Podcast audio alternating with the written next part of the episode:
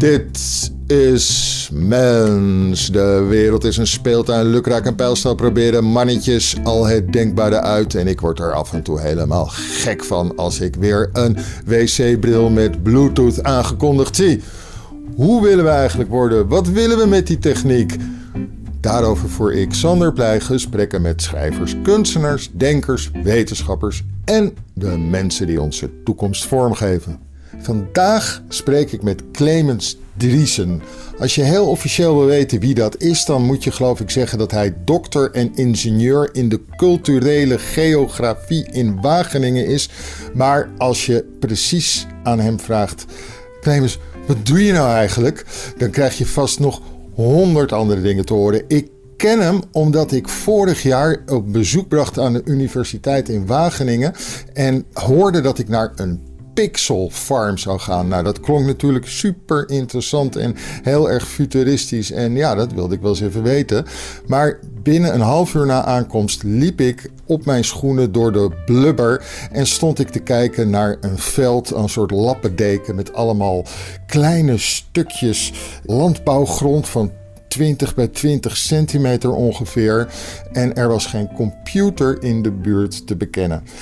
Clemens heb ik vervolgens gevolgd. Hij bleek ontzettend interessant te schrijven over het verband tussen het kijken van Descartes en de manier waarop wij bezig zijn met techniek. Ik heb ontzettend verbaasd gestaan van waar hij zich allemaal mee bezighoudt. Het is een heel nieuwe manier, een nieuw veld van kijken naar hoe we met techniek aan de slag kunnen. En daarom ben ik heel blij dat ik hem nu eindelijk kan spreken in de podcast. Clemens, ben je er na deze lange inleiding nog steeds? Uh, ja, ik ben er. Oké, wat heb ik allemaal fout gezegd? Uh, helemaal niks. Nee hoor, gaat goed. Ik bedoel, ik zei je bent dokter en ingenieur in de, uh, hoe noem je het, geografie, de wat geografie? De... Ja, culturele geografie.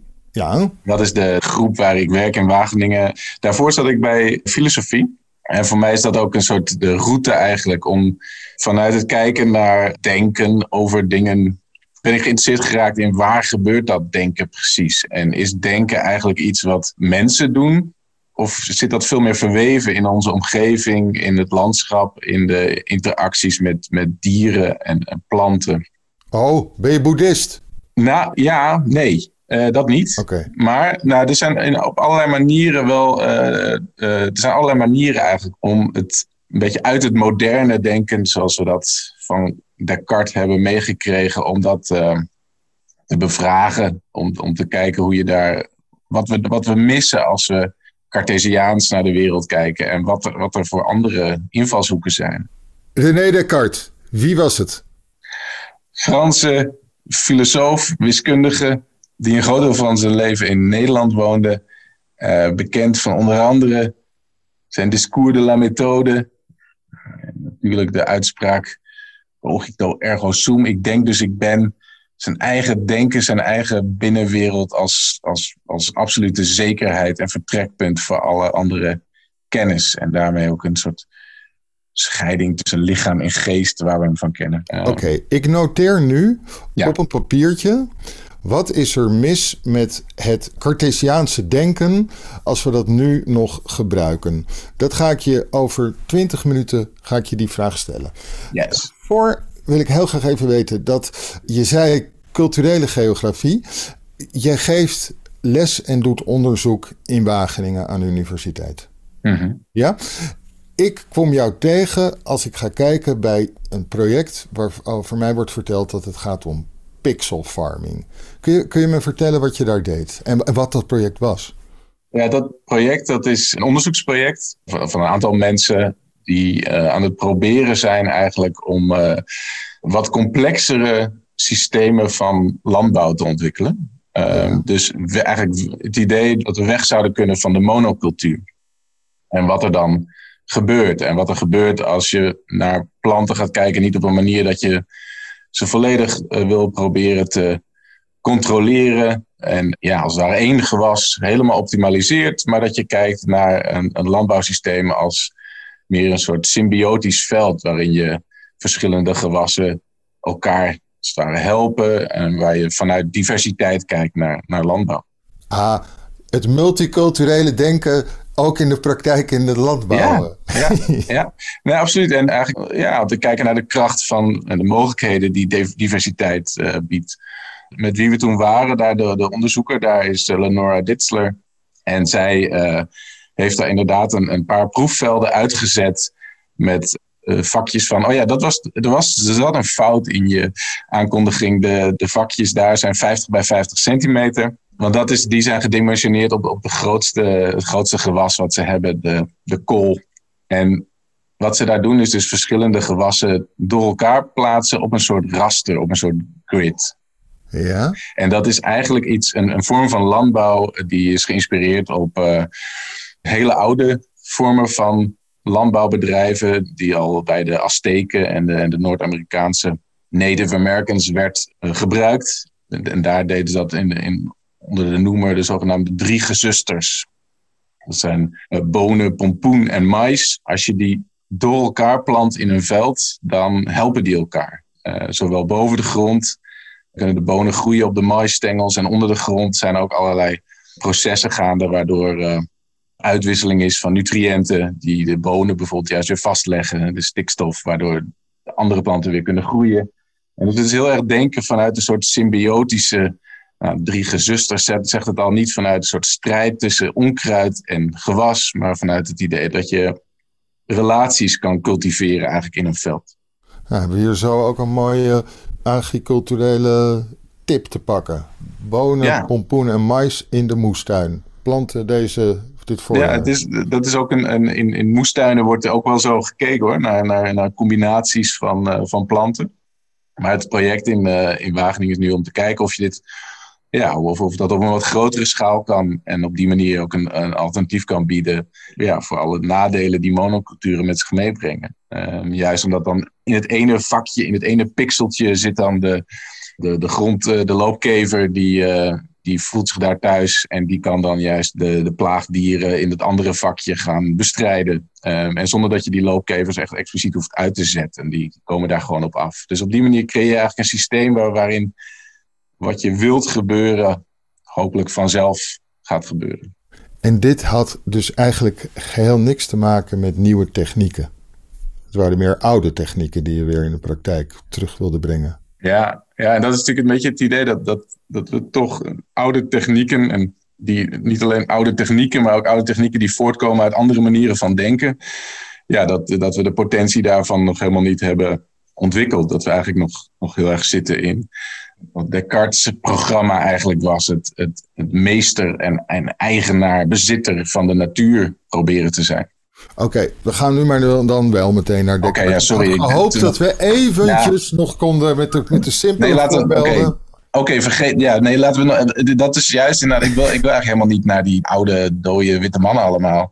Het is juist interessant, denk ik, om, om te zien hoe, die, hoe ideeën eigenlijk ook uit, ontspruiten uit de grond of uit, uh, uit het landschap. En maar, maar voor mij is het wel interessant om, om, om zeg maar de, de contrasten en de, en de paradoxen te zien in zo'n proefveld. Dus enerzijds is het landbouw geïnspireerd op symbiose van de Azteken en tegelijkertijd ligt het in een, in een grid van, van hokjes, van pixels. En ook de technologie die daar nog bij komt kijken is eigenlijk de, de vraag van oké, nu heb je een veld met, met allemaal kleine vakjes. Nou, hoe ga je dat bewerken? Want met een tractor eroverheen rijden is niet zo praktisch. Want al die gewassen zijn op verschillende momenten, dus precies uitgerekend, zijn op verschillende momenten klaar om ingezaaid of juist geoogst te worden. En het is ook heel ingewikkeld om precies te onthouden wat waar precies geplant was eh, voordat het opkomt. Dus er is het idee dat er, dat er een soort technologische laag zou moeten komen die dat mogelijk maakt. Die die diversiteit juist ja, cultiveerbaar maakt. Dus er, er is eigenlijk al heel lang, een aantal jaren rond, in de landbouw, een soort belofte van de robots die gaan komen. Ja. Um, en soms is dat in de vorm van zelfrijdende tractoren, die dus ja, eigenlijk hetzelfde doen als ze nu doen, maar dan uh, het idee is dat, dat dan de boer uh, thuis achter zijn laptop zit in plaats van op de tractor. Ja. Uh, maar rond, rond een systeem als dit en, en de complexiteit die dit met zich meebrengt, is het idee van misschien kan je eigenlijk weg van de steeds grotere tractor um, en weg van de technologie die, die gericht is op totale controle, kan je ook een soort agro-ecologische robots verzinnen. Zou dat kunnen? Ja. En daar komt dus de technologie weer om de hoek. Ja, de data vooral. Hè? Kijken hoe je met data zoveel mogelijk de boerenwijsheid kan analyseren en vervangen. Mhm. Maar misschien is dat nog wel leuk om heel even iets over te zeggen. Want er is dus het idee van: oké, uiteindelijk gaat die data, gaat die de boerenwijsheid vervangen. En het de mechanische kant ervan, de robot in het veld, die gaat zorgen dat we niet eindeloos meer hoeven te bukken en te schoffelen. Uh, maar wat heel interessant is, is dat dit, dit is een proefproject dus in Wageningen in, op zo'n zo'n proefveld. Maar er is ook inmiddels een boer in Lochem die ook een groot veld op deze manier heeft ingezaaid. Ja. En op, op een wat grotere schaal. En daar zie je eigenlijk dat, en de, de Lenora, die dus de, de, onderzoeker, die zei ook van, ja, toen ze met hem sprak en daar was, ja, dat het toch wel fascinerend was om een echte boer te zien die zo'n veld managt. En dat dat heel anders gaat dan, uh, of dat, ja, dat dat toch een soort, ja, dat boeren, die boerenkennis en die echt uh, sensitiviteit voor wat er in zo'n veld gebeurt, dat dat toch wel nog steeds uitmaakt. Dus het is niet per se het doel om dat te vervangen. Had ze een voorbeeld daarvan, waar de boer wint van de, de computer? Nou ja, de, de robot die daar werd neergezet, die werd aanvankelijk gebracht als een soort grote belofte die dit allemaal zou gaan managen. Maar al vrij snel bleek dat die uh, letterlijk vastliep. Dus dat, dat ging nog niet goed. En tegelijkertijd betekende dat dus oké dat ze zelf al, de, al het onkruid moesten gaan schoffelen tussen de pixels. Ja. Um, en dat lukte niet binnen de tijd die daarvoor nodig was. En daardoor ontstond eigenlijk een heel interessant experiment waarbij ze het halve veld hadden geschoffeld en het halve veld niet. En er eigenlijk achterkwamen dat, nou, na een paar maanden later, dat dat eigenlijk helemaal niet uitmaakte voor die gewassen die daar uiteindelijk opkwamen. Dus op die manier hebben ze eigenlijk juist door de, de imperfectie en het kijken naar soort van natuurlijke experimenten die gebeuren als je iets nieuws doet, kwamen ze achter dat eigenlijk die, die onkruid helemaal niet zo'n uh, zo'n probleem was en juist een prima bodembedekker. Dus het helpt ook om een soort, ja, om een soort steeds weer op nieuwe manier te kijken naar wat er in zo'n, wat er in zo'n veld gebeurt. Ah, onvoorspelbaarheden en fouten die kunnen door een mens makkelijker herkend en opgevangen uh, en aangewend worden. Ja misschien, ja, misschien wel. In ieder geval, in ieder geval voorlopig. In ieder geval voorlopig. Oké, iets anders. Je had het ook over een Phenovator. Mm. Dit zal ik fout zeggen. Wat is dat? Phenovator. Phenovator. Wat ja, is dat? nee, dat is, een, dat is uh, ja, ook, een, ook een ding in Wageningen, maar dan uh, iets dat binnen staat in een uh, laboratorium voor plantonderzoek. En dat is eigenlijk een grote tafel met een heleboel kleine gaatjes. Uit die kleine gaatjes, 1400 kleine gaatjes naast elkaar, ook weer in een grid. Daar komen hele kleine Arabidopsis plantjes. Dat zijn zandraketten. De zandraket is eigenlijk de, de fruitvlieg van het plantenonderzoek. Dus dat is verder geen, geen nuttig gewas. Maar dat is eigenlijk een soort heel basale plant waarvan het genoom heel goed bekend is. En die dus vaak wordt gebruikt in allerlei onderzoek. En de Phenovator, dat is, dat is dus die tafel met hele kleine gaatjes waar die hele kleine plantjes uitpiepen. En de Phenovator, wat die doet, is eigenlijk met een enorme camera die een enorm groot spectrum van licht en andere data verzamelt. Die beweegt over dat grid en maakt van ieder plantje iedere dag 14 foto's op verschillende momenten in de dag. En eigenlijk het idee is om te kijken, al die 1400 individuele plantjes zijn helemaal bekend, wat de, wat de genetische variatie daarvan van ieder plantje is. En op deze manier kunnen ze onderzoek doen naar fotosynthese in die plantjes. En het idee is daarbij dat nou, fotosynthese is het proces op aarde wat alle leven voortbrengt uiteindelijk, wat zonlicht omzet in uh, gekozen en ja, de basis staat van, van het leven.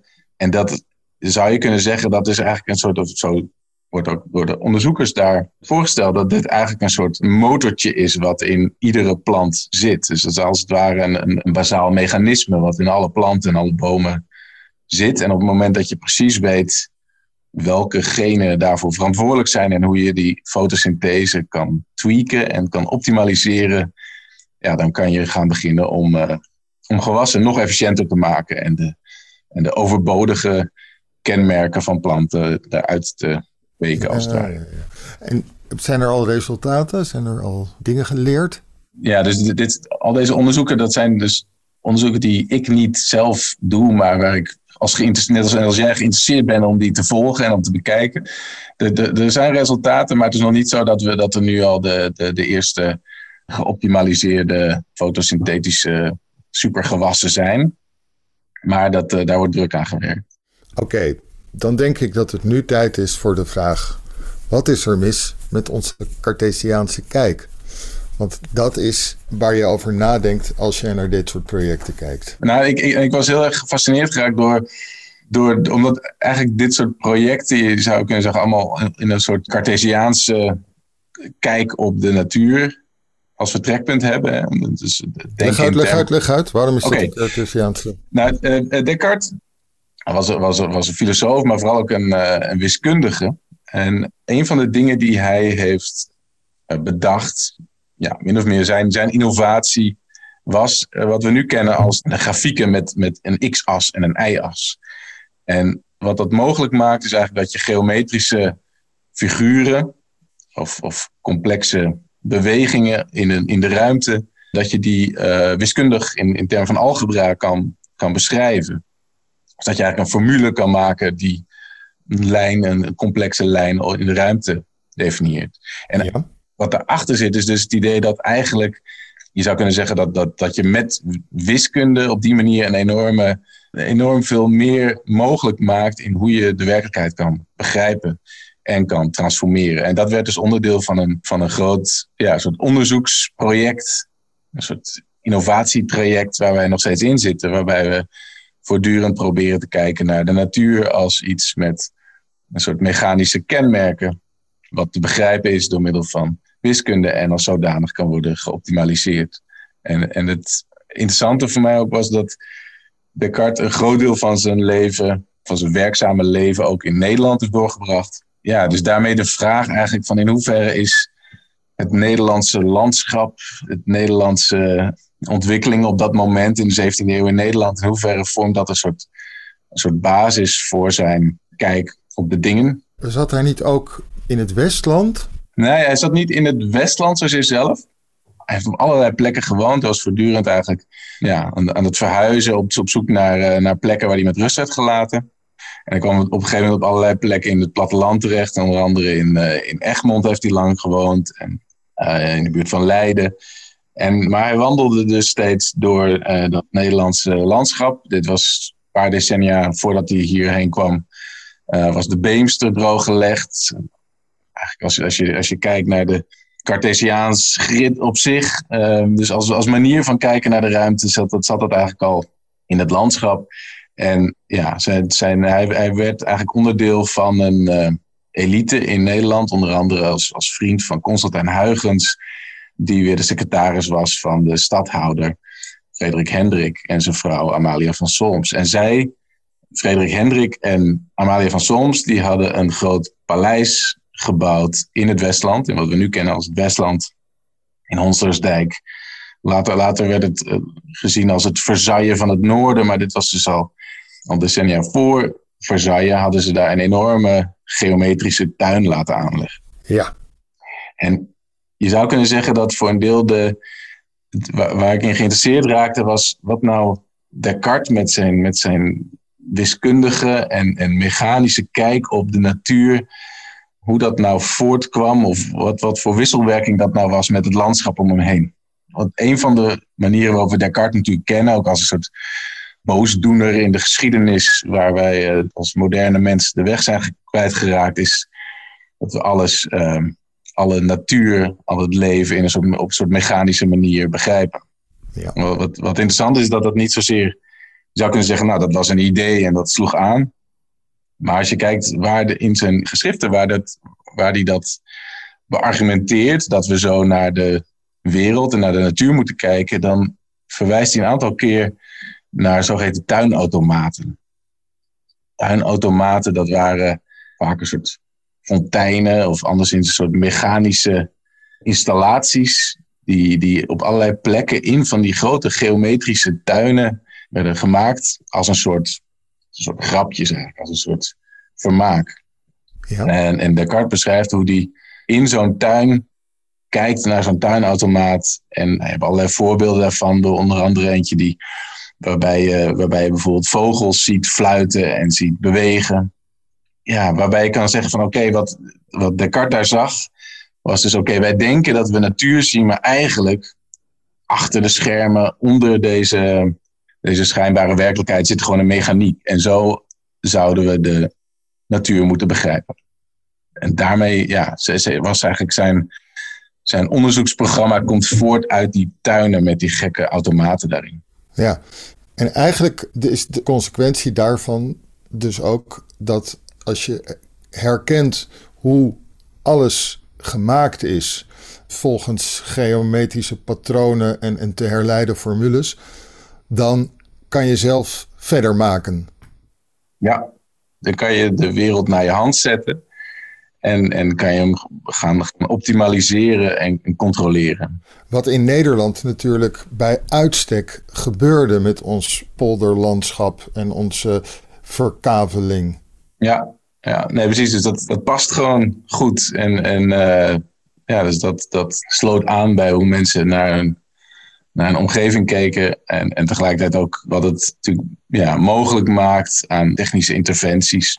Oké, nou nu de andere kant op. Want ik herken in jouw belangstelling, herken ik mijn eigen irritatie over de mannetjes die weten dat alles in nulletjes en eentjes te vangen is en vervolgens beter gemaakt kan worden met hun formules.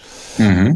Wat kunnen we hier tegen inbrengen? Wat is hier, wat is de andere kant? Er zijn een aantal mogelijkheden om, en, en een daarvan is dus als het ware teruggaan in de geschiedenis van goh, wat, waar zette Descartes zich tegen af? Of wie zet zich tegen Descartes af? En um, wat, voor, wat voor ideeën kan je daar vinden? Dus daar wil ik graag iets over zeggen. Maar er is ook nog een kant waarbij je zou kunnen zeggen: ja, oké, misschien moeten we het niet zozeer als, als puur in een soort tegenstelling zien. En dan is, dan is dat pixel farming project wel interessant. Oké, ga eerst de geschiedenis zien. Een van de, van de filosofen waar Descartes zich echt expliciet tegen afzet. En hij noemt eigenlijk vrij weinig andere denkers. Dus dat is, dat is opvallend. was uh, Michel de Montaigne.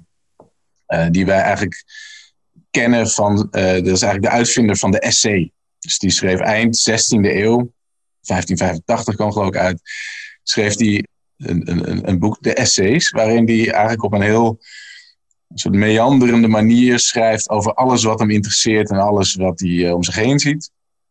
En waarbij hij ja, beschrijft uh, op basis van allerlei oude bronnen, van oude Grieken tot andere uh, bronnen van over de hele wereld, hoe hij naar de natuur kijkt. En tegelijkertijd ook bijvoorbeeld beschrijft hij hoe hij met zijn kat speelt. Of en vraagt hij zich af, speelt hij, ja, ben ik, ben ik nou met die kat aan het spelen of speelt die kat nou met mij?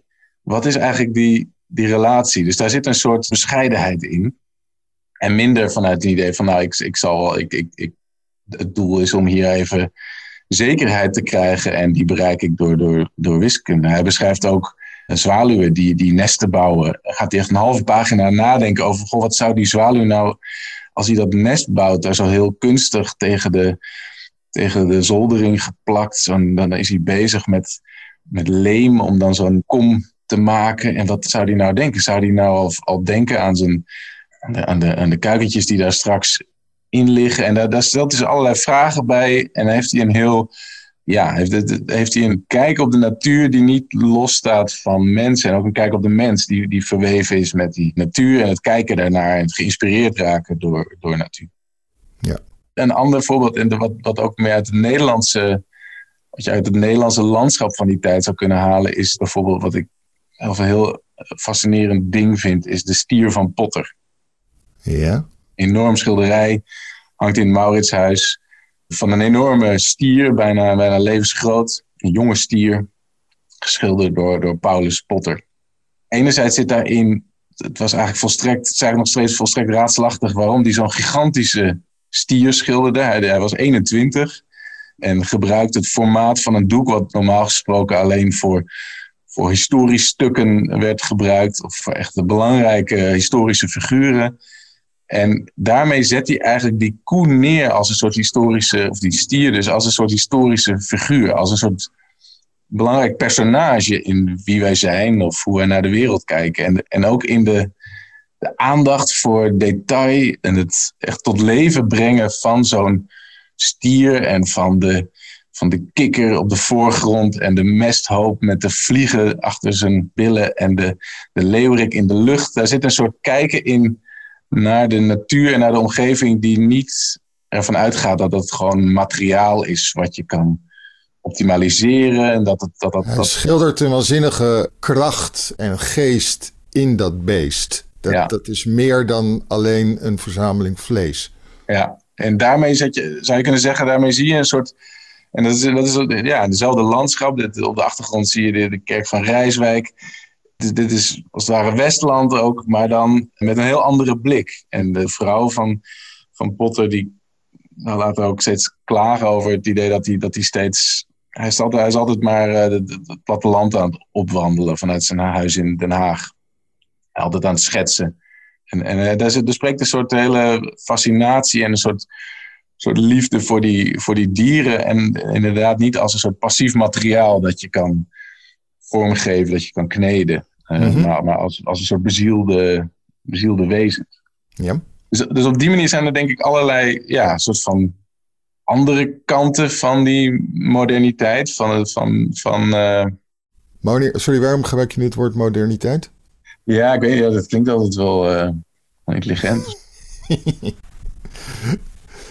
nou ja, kijk, Descartes wordt wel gezien als, als natuurlijk een van de eerste moderne filosofen. En het, en het is het idee dat, dat die ideeën die voor een deel filosofisch zijn en voor een deel een soort, techni een soort, soort technisch sociaal programma zijn. Waarin we de, ja, alle mythologische fantasie eh, en, en bijgeloof achter ons laten.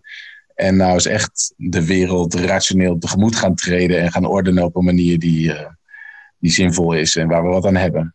Oké. En, en, en dat is eh, mijn samenvatting hier. Maar dat, dus daarmee staat dat voor een soort het kijken naar zo'n naar onze omgeving, ja, in, in, een soort, in een soort algemene term. Ja, en daarover plaats je, tegenover plaats je nou even Montaigne en Potter. Eh, en nu gaan we naar nu, 2021. Wat kan je daarmee? ja, Nou, je wilde het hebben over de, de pixel farming weer. En mij, Ja. eh, op een of andere manier ging je mij een beetje geruststellen met eh, de Montaigne en eh, Potter. Ja, Montaigne en Potter die helpen inderdaad om een soort andere kant te zien. Maar daarvan zou je kunnen zeggen van nou, die, dat is echt een soort tegenstelling. Hè? Die zijn van nou, het is of het een of het ander. Of je fokt een, een, een turbo koe waar, waar, waar 50 liter melk per dag uitkomt. Of je kijkt hem diep in de ogen en bedenkt waar zullen we heen gaan. Maar wat die Pixel Farm voor mij heel interessant maakt als project, is dat daar allerlei dingen bij elkaar komen. En waar een soort van belofte misschien in zit. Dat we al die technologie en al die, al die data en al die nullen en enen, dat we die ook op een manier kunnen inzetten die ruimte laat voor ja, allerlei processen die we niet volledig in de hand hebben, Ja, maar die we tegelijkertijd toch enigszins eh, met ons mee kunnen laten bewegen. En waarin we dus die technologie en alles wat we nu kunnen en alles wat we nu weten, dat we kijken in hoeverre dat nou aan te passen is aan die omgeving. In plaats van dat we alleen maar de, alles aanpassen aan onze wensen en optimalisatiegedachten. ja, ik denk dat ik een beetje begrijp, omdat je ook met het voorbeeld kwam van die, eh, die boer, waar dat bij dat pixel farming op gaat. Maar, Mhm. maar, maar niet als je het bijvoorbeeld hebt over wat je net zei, die Finovator. Ja, Dat lijkt me echt cool, bloedig, alleen maar nulletjes en eentjes. ja dat klopt inderdaad. En, en in zekere zin zou je kunnen zien, dit zijn twee Cartesiaanse richtingen. Eén, één inderdaad gericht op totale controle en het kijken naar, naar hoe kunnen we die, die, nou, die universele motor van al het leven op aarde, hoe kunnen we die daar een paar tandjes bij zetten. Ja, Waarbij de Pixel Farm ook allerlei technologie en, en, eh, en rekenkunde inzet, maar dan op een manier die niet zo die volledige controle en volledige uitwissen van alles wat overbodig en, en nutteloos is. Ja, die, wat mij betreft is dat ook wel een soort, zou je dat wel kunnen zien als een soort tegenstelling en als een soort, als een soort verschillende richtingen die hun eigen esthetiek en hun eigen, ja, eigen kijk op de werkelijkheid meenemen. En tegelijkertijd kan het ook, blijft het toch interessant om, om het niet alleen maar zo schematisch te zien als ik nu zeg. En, en zou het ook nog interessant kunnen zijn om te volgen wat er nou precies gebeurt op het moment dat je die, ja, dat die als het ware het veld ingaat. Ja, is, is dan die toekomst helemaal gedetermineerd door dat denken wat daarin gestopt is? Of valt daar nog wat aan te, aan te tweaken? Zitten daar nog ergens groene vingers tussen? Of, uh... Je lijkt ook wel, als je zo praat, ook wel echt een ontzettende romanticus, hè? Ja, een beetje, ja. Ja, nou, ja maar tegelijkertijd, ja. Maar, maar de, probeer een beetje tot een synthese te komen. Met, met toch ook te kijken. Dit is niet zozeer dat het, dat het, dat het romantisch versus rationeel is. Hè? En dat we daar, oké, we moeten de wereld voeden. Of, of we houden vast aan een soort romantische uh, verleden van Potter en Montaigne. En, uh, volgens mij is het interessanter om te kijken op wat voor manier die. Ja, misschien dat dat romantische, dat dat ook wel een hele rationele kant heeft. Van het niet volledig centraal zetten van van de mens en de technologie het oog hebben voor de, ja, voor, de, voor de effecten daarvan en de manier waarop technologie ook altijd is ingezet om planten, dieren en, en, en daarmee ook mensen op bouw niet te ordenen en te, en te sturen. Bedoelde je nu dat ik al heel erg mechanisch kijk naar planten en dieren en bijvoorbeeld als ik een vogel zie, eigenlijk nauwelijks de vogel hoor fluiten of de, mooie kleuren meteen zie. Maar dat eigenlijk het eerste wat ik doe is bedenken: ha, mus, doe dit, woont hier. Is dat wat je bedoelt ook? Ja, denk het wel. Het is interessant of die. Natuurlijk, je hebt zeg maar al die, al die technologische projecten en al die nou ja, jij noemde het aan het begin de, de mannetjes die wel even de wereld aan het veranderen zijn. Ik heb natuurlijk ook weer een heleboel mannetjes naar voren gebracht. En mhm. dames. Maar daar zit, daar zit iets in van in hoeverre ja, verliezen we in die projecten en in die, ja, de benadering die daar eigenlijk, de manier van denken die daarin zit. In hoeverre verliezen we dan de nieuwsgierigheid en het echt aandachtig kijken wat Montaigne en Potter deden. En het openstaan voor verrassingen zoals die, die Pixel Farm boer. Ja, ja, daarop heb ik dan nog één vraag. Voordat we deze podcast deden, stuurde je me een paar foto's en vertelde je dat je de laatste tijd veel aan het kijken was naar de waterbassins in, um, waar, waar, was het ook weer? Ook in het Westland, geloof ja. ik. Laten we een beetje het concreet maken. Dus jij zit te, te staren naar waterbassins in het Westland en dan zit je te bedenken hoe kan ik me hier wel nog laten verrassen? Dus in, in, in Westland en allerlei plekken waar je, waar je kassen hebt in Nederland zie je vaak van die, van die donkergrijze grote waterbassins waar regenwater wordt bewaard, uh, wat weer wordt gebruikt in die kas. Ja. Uh, vaak zijn die zitten in een soort driehoekjes naast, wat zeg maar de overgebleven driehoek naast, een, naast zo'n vierkante kas op, een, uh, op de kavel. En kwam op een gegeven moment in het bekijken van, van uh, foto's in, uh, in het archief van Westland nog een aantal foto's tegen waarbij dus 20, 30 mensen, allerlei soorten mensen, vrije tijdskleding, het is een zonnige dag, aan een enorm stuk plastic zeil ziet trekken om zo'n waterbassin te maken. En ook als je, als je dus zo'n waterbassin wil maken, dan kan een bedrijf, die komt dat dan bij je doen. Maar die zeggen wel, ja, in stap 5 van het maken van het waterbassin, dan hebben we nodig dat de opdrachtgever een groot aantal mensen regelt om dat, om dat plastic uit te rollen en dat netjes ja, over het bassin te trekken, eigenlijk, wat ze dan aan het maken zijn. Ja, ja ik, ik, ik raakte helemaal gefascineerd, want die waterbassins die associeer ik altijd met heel erg. Je, je bedekt dat landschap onder plastic. Is het landschap van Potter en van de, de geometrische tuin van Honslersdijk, Versailles van het noorden en we stoppen het onder het plastic. Ja. En, en tegelijkertijd is dat verstoppen onder plastic, dat ziet eruit als een soort zaterdagmiddag. Het is bijna feestelijk. En, uh, en in Zuid-Amerika noemen ze zoiets een minga. Eigenlijk een soort, een soort werkfeest waarbij je ja, je, je huis is ingestort of zo en je moet het weer opbouwen. En je nodigt iedereen in het dorp en iedereen die je kent nodig je uit. Je maakt een grote maaltijd en gezamenlijk ga je aan de slag. En aan het eind van de dag dan vier je het en bestendig je de gemeenschap en de verbondenheid met het landschap op die manier. ik vond het zo fascinerend om dat te zien rond, zo'n, rond zoiets wat, wat ik eigenlijk altijd associeer als inderdaad het meest ja, het voorkomen en het bedekken van iedere vorm van leven op een bepaalde manier. In ieder geval dat stukje van de kavel. Ik associeer het ook een beetje met het Nederlandse maakbaarheidsgevoel over het landschap. En niet eens alleen het de natuur veranderen, maar ook het spelen met de natuur. Van mhm. kijk, hier kunnen we een zee, kunnen we gewoon allemaal aarde instorten en dan is het een polder. En mm hey, hier kunnen we een polder, allemaal aarde uitgraven. Hup, maken we er weer een zeetje van. Mhm. Het is een soort spel. Ja, klopt. En ik, ja, ik raak dan heel erg geïnteresseerd. Of, ja, als we dit kunnen maken, kunnen we dit ook. Kan je die waterbassins ook nog anders maken? Kan je die misschien in een soort, soort romantische landschapsstijl format gieten? Kan je daar misschien een. Uh, kan je daar watervogels op laten landen? Of wat zou je daar. Ja, je hebt tegenwoordig ook flamingo's in Nederland. Zo'n waterbassin met flamingo's lijkt me dan. Ik zoek eigenlijk naar een soort soort romantisch rationele synthese, zonder nou meteen in een soort, uh, nou ja, om, om, nog maar een andere term erin te gooien, zonder, zonder meteen een soort ecomodernistisch programma te schetsen, waarin we niet alleen productie, maar ook natuur volledig controleren. Maar juist een soort situaties creëren waarin onverwachte dingen gebeuren. Misschien ook wel in zo'n waterbassin. Ik denk dat dat soort situaties altijd zullen ontstaan en dat dat onze hoop is. Ben je er stil van, hè? Ja, dat is. Uh, ja, ik, ja.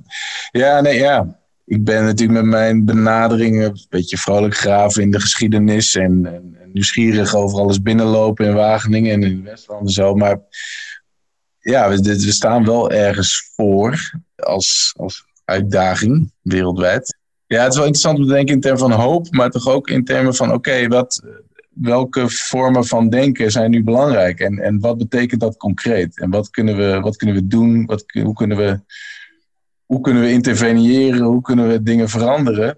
Op, ja. op, een, op een radicale manier, maar misschien zonder alleen maar Descartes in onze achterzak. Ja, ik flapte dit er natuurlijk uit terwijl ik gewoon keek naar die foto die je net beschreef. En allemaal mensen mhm. vrolijk zag, uh, met, met hun werkfeest bezig zag. Uh, maar beter erover nadenkend lijkt die Cartesiaanse kijk toch uh, op de korte termijn te zorgen voor het minste slachtoffers van, weet ik wat, overstromingen en ander natuurgeweld. Mm ja, maar ook, ook daar zit toch het idee van: oké, maar als je het alleen maar Cartesiaans benadert, van we gaan het de maître en possesseur de la natuur, we gaan, we gaan als meester en, en eigenaar te werk en alles controleren. Op het moment dat dat dan niet meer lukt, ben je ook meteen, ja, dan ben je ook meteen alle controle kwijt, lijkt wel. Ja. En ja, we moeten, dat, we moeten alles uit de kast halen, maar wel die technologie ook op een manier benaderen dat we. En ik denk dat het helpt om, om ook technologie en ideeën en innovatie niet als iets puur menselijks te zien. Maar dat dat ook ge, geïnspireerd kan zijn door, ja, als het ware de ideeën die uit het landschap of, of uit de dieren of uit het, uit het goed kijken naar planten, op allerlei verschillende manieren kijken naar planten kan komen. Kan, kan iemand anders dan de denker en de kunstenaar, de schrijver en dichter daar ook iets mee? Ja, dat denk ik wel. En, en wat, wat voor mij wel heel leuk is, is eigenlijk dat eigenlijk dit verhaal in het Westland hele leuke gesprekken oplevert. Oh? Ja, dat, dat, je, dat je juist door een soort geschiedenis te schetsen en, en, en een soort te laten zien hoe, in ieder geval volgens mij, allerlei ideeën zijn ontwikkeld en uit zo'n landschap voortkomen en, en eigenlijk door te laten zien, nou kijk, hier was een prachtige tuin. Weet je, we gaan naar Versailles om die tuin te bekijken. Hier was hij ook. Maar in, in zekere zin is die, in dat Westland is die tuin dus helemaal verdwenen. Maar als je nu gaat kijken waar die tuin precies lag, dat is een enorme tuin. Mm Geometrisch patroon. En als je nu gaat kijken, dan staan de kassen in Honslersdijk exact in het patroon van die geometrische tuin. Dus in zekere zin is dat, is dat denken wat in die tuin gebeurde, is, is als het ware geperfectioneerd daar.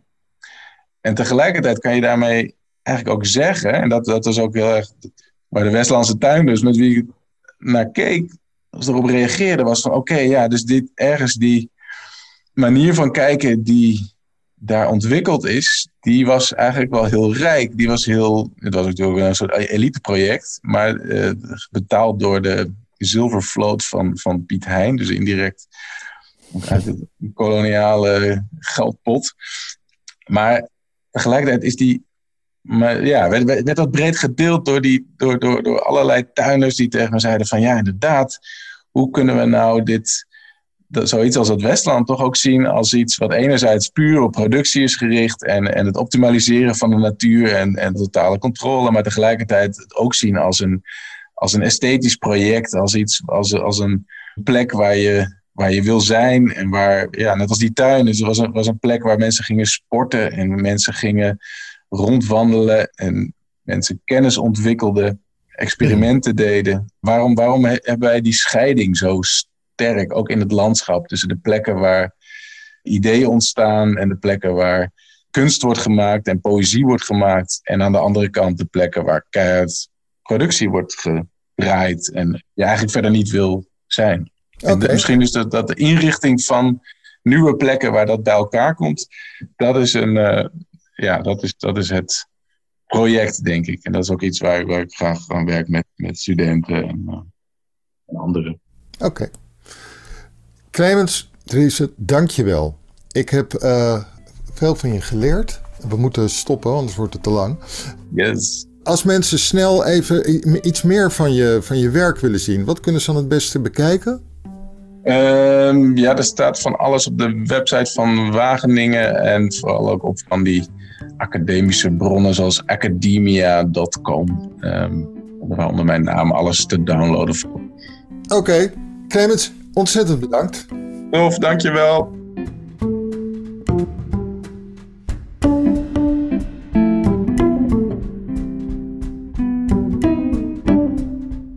Dit was Mens. Met in deze aflevering Clemens Driesen. Mens wordt gemaakt door mij, Sander Pleij en Hans Poel. Voor Vrij Nederland. Je kan je abonneren op deze podcast in je favoriete podcast-app dan verschijnt daar als vanzelf elke twee weken een nieuwe aflevering van ons. Ook help je ons door een beoordeling of een review op Mens te geven in je podcast-app. Dan weten meer mensen de gesprekken van Mens te vinden.